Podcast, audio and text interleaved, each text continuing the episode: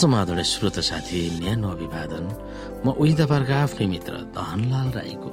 श्रोता आज म तपाईँको बीचमा बाइबल सन्देश लिएर आएको छु। आजको बाइबल सन्देशको शीर्षक रहेको छ नर्कको आगो।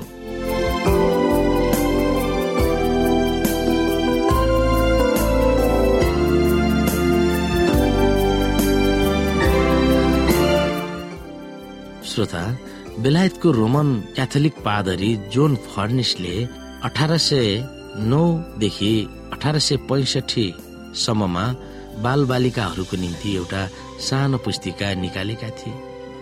त्यसको शीर्षक थियो साइट अफ हेल अर्थात् नर्कको दृश्य। अनन्तको यातना भनेको के हो अथवा अनन्तको यातना भनेको एउटा ठूलो फलामको बल हो रे?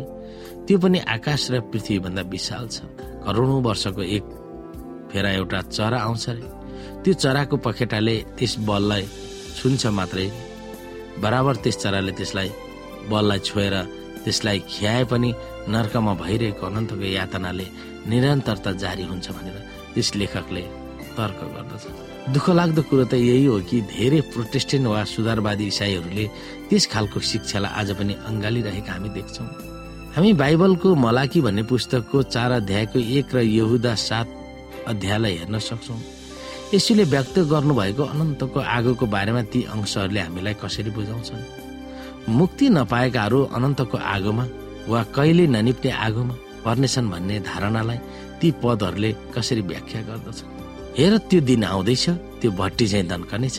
सबै हठी र सबै दुष्ट काम गर्नेहरू ठुटा चाहिँ हुनेछन् र त्यो आउने दिनले उनीहरूलाई आगोमा भस्म गर्नेछ सर्वशक्तिमान परमप्रभु भन्नुहुन्छ।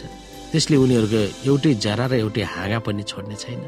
र जसरी सदम र गमरा तिनका आसपासका सहरहरू जुनहरू व्याविचार गरेर स्वाभाविक काम वासनामा फँसेका थिए तिनीहरू अनन्त अग्निको दण्ड भोगेर उदाहरण बनेका छन्। श्रोता यो अनन्त भन्ने हिब्रू भाषामा ओलाम वा ग्रिक भाषामा यही हो। यसको अर्थ कुन सन्दर्भमा भनिएको हो त्यस अनुसार हुन्छ।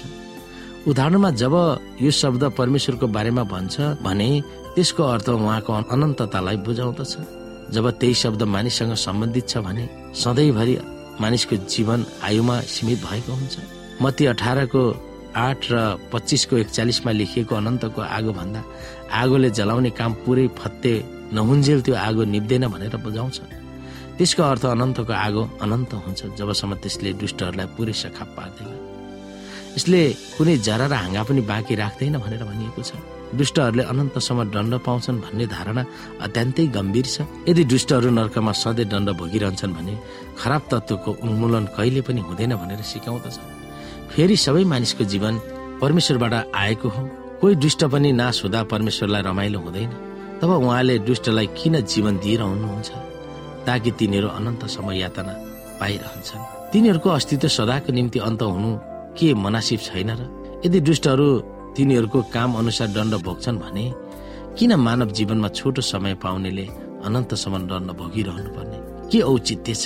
के यो अन्याय भएन र? अनन्तको आगो भनेर बाइबलले सम्बोधन गरेको सबै पदहरूलाई प्रकाश बिचमा उल्लेख गरेको हजार वर्षपछि हुने आगोले भस्म हुनेहरूसँग जोड्नु पर्दछ यसबारे अध्याय तेह्रमा हामी हेर्छौँ त्यसकारण रोमन क्याथोलिक प्राय जसो प्रोटेस्टेन्ट इसाईहरू र कतिपय धर्महरूले सिकाएको वर्तमान जलिरहेको वा भविष्यमा जलिरहने नर्कको अस्तित्व बाइबल सम्मत छैन।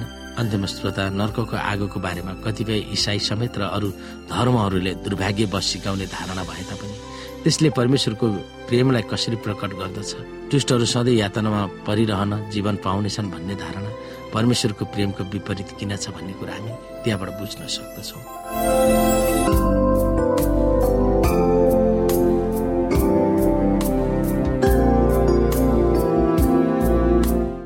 श्रोत साथी आजको लागि भाइबर सन्देश यति नै। हस्त नमस्ते जय मसिंह।